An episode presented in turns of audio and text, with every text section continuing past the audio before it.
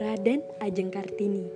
Ya, nama yang sangat familiar di kalangan masyarakat pribumi. Bagaimana tidak? Beliau adalah salah satu di antara sekian banyak tokoh perempuan yang memperjuangkan harkat dan martabat kaum perempuan. Tekad gigi perjuangannya tak pernah gentar, dan hasil karyanya tak pernah usang. Begitu besar jasa beliau dalam memperjuangkan pendidikan dan persamaan peran. Lantas, apakah perjuangan dari pendidikan itu sudah cukup sekian? Oh, tidak.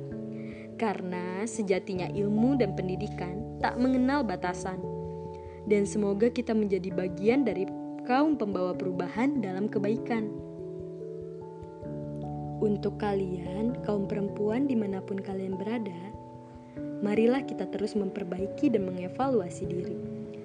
Dipuji karena cantik memang menyenangkan, namun diteladani karena ilmu, amal, dan akhlak jauh lebih membanggakan.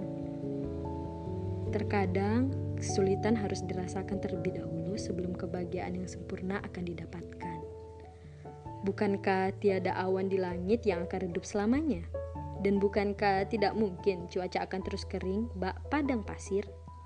Sehabis gelap malam nan pekat, maka nantikanlah mentari pagi yang akan membawa keindahan dalam kehidupan.